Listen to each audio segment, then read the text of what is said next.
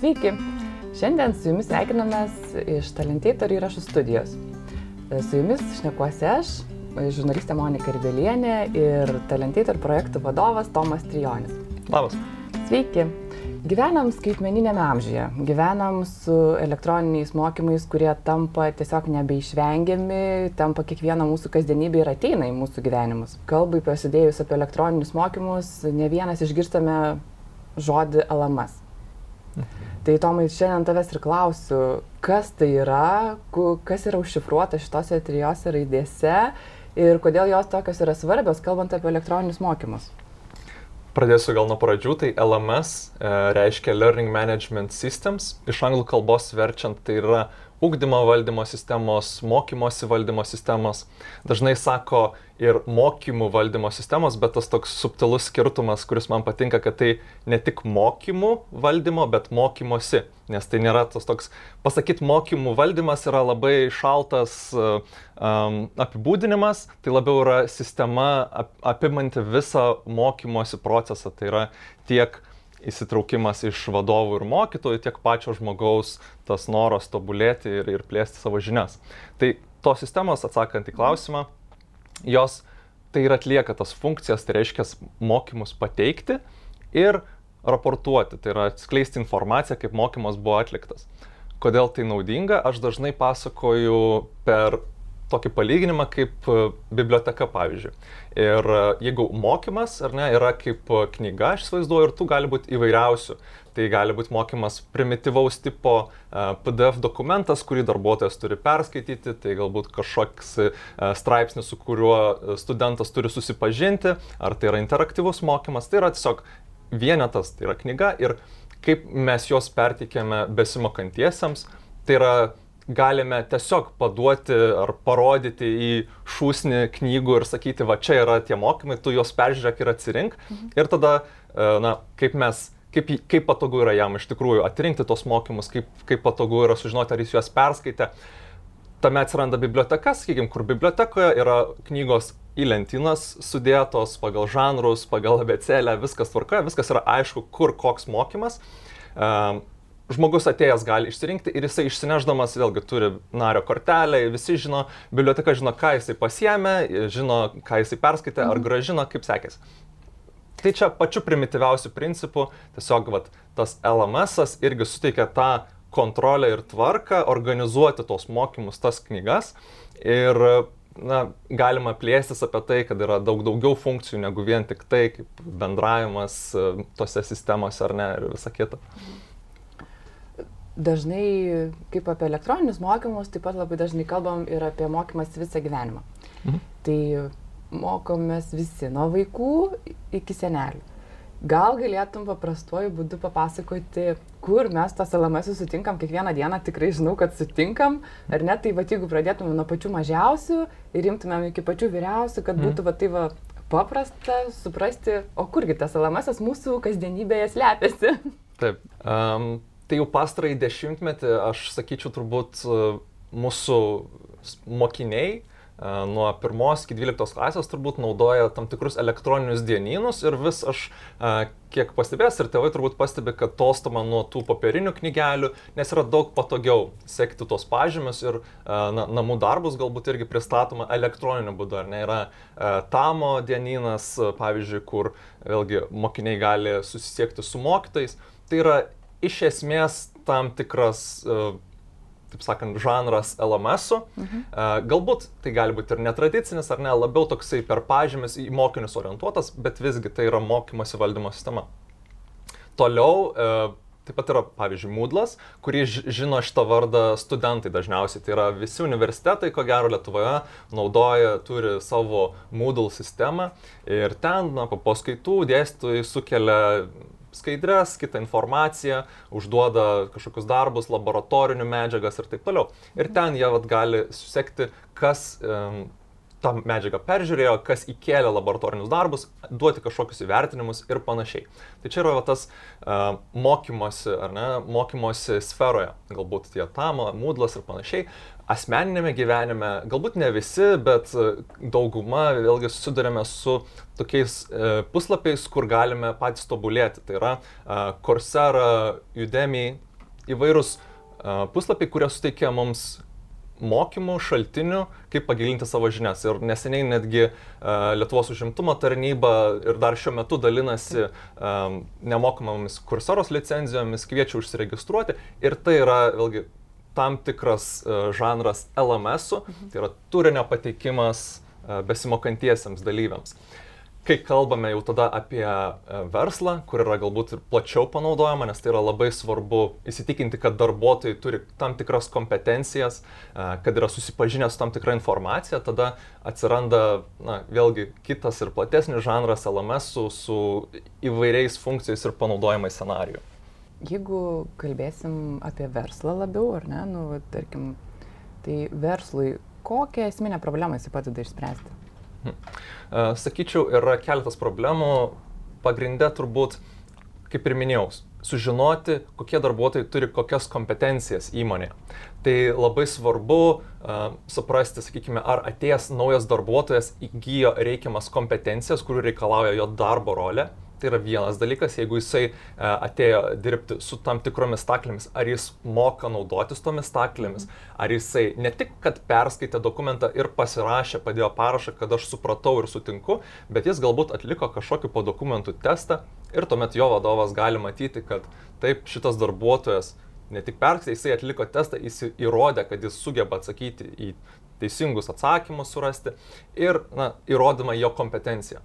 Taip pat gali būti uh, kažkokie darbų saugos mokymai ir bendrosios veiklos, kurios tiesiog įmonė turi standartinės procedūras, kad tu atėjęs, tu turi susipažinti su jais, kad tu būtum, na, galėtum dirbti ir būtum mūsų įmonės dalis. Mhm. Tai gali būti įmonės pristatymas, darbų sauga, gaisrinė sauga, standartinės operavimo procedūros, vadinami angliškai dar SOP dokumentai yra toks išsireiškimas.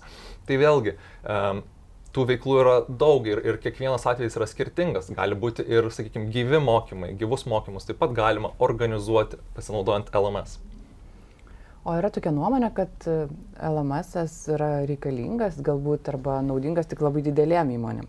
E, iš esmės tai vėlgi priklauso nuo atvejo, nes mhm. iš dalies aš galiu sutikti, kadangi kai nėra daug darbuotojų daug ir galbūt įmonė jauna ir galbūt tai yra, na, nėra dar tos daug tiek mokomosios medžiagos, su jie susitvarkyti galima ir tradiciniu būdu, ir paprastesniais sprendimais. Ir na, augant įmoniai vis, kai atsiranda vis daugiau žmonių, vis daugiau dokumentų, vis daugiau mokymų ir skirtingų rolių ir procesų ir vadovų, kurie savo komandas turi užtikrinti, kad jos funkcionuoja taip, kaip priklauso, tada darosi iš tikrųjų labai sunku suvaldyti ir tai tampa būtinybė.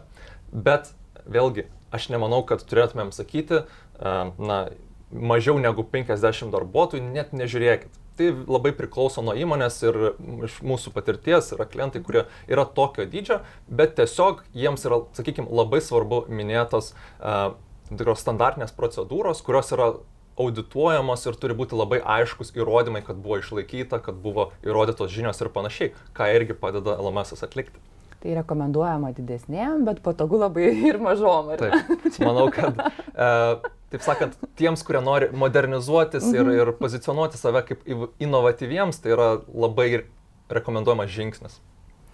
Jeigu grįžtume, pavyzdžiui, prie elektroninių mokymų, tai mhm.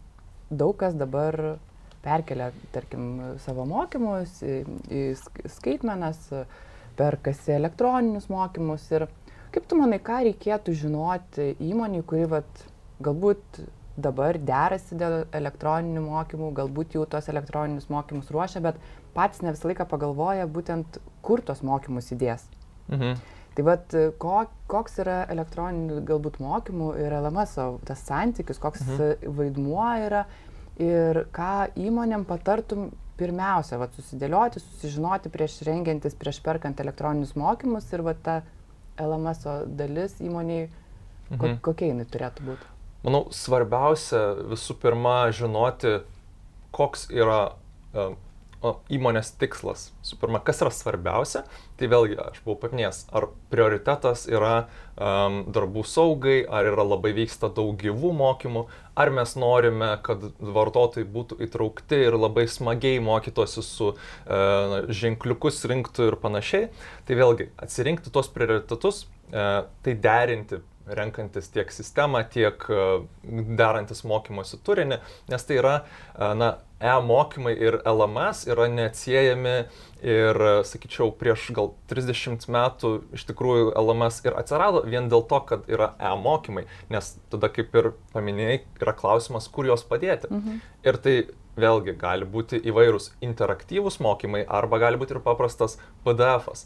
Bet iš esmės, na, jeigu mūsų siekis yra tapti ne, inovatyvę, modernę įmonę ir nerinkti parašų ir juo labiau klausti, ar tu peržiūrėjai, ar tu išlaikėjai, tai reikia pagalvoti apie tai, kad na, LMS leidžia ne tik patalpinti ir pateikti, bet ir sukomponuoti tą turinį šiek tiek įdomiau, sakykime, e, įdėti ne tik paprastą video įrašą, bet ir po juo testą, galbūt apklausą, galbūt kažkokį nekvalifikuotą parašą, kad žmogus tikrai susipažino ir jam reikia patvirtinti tai.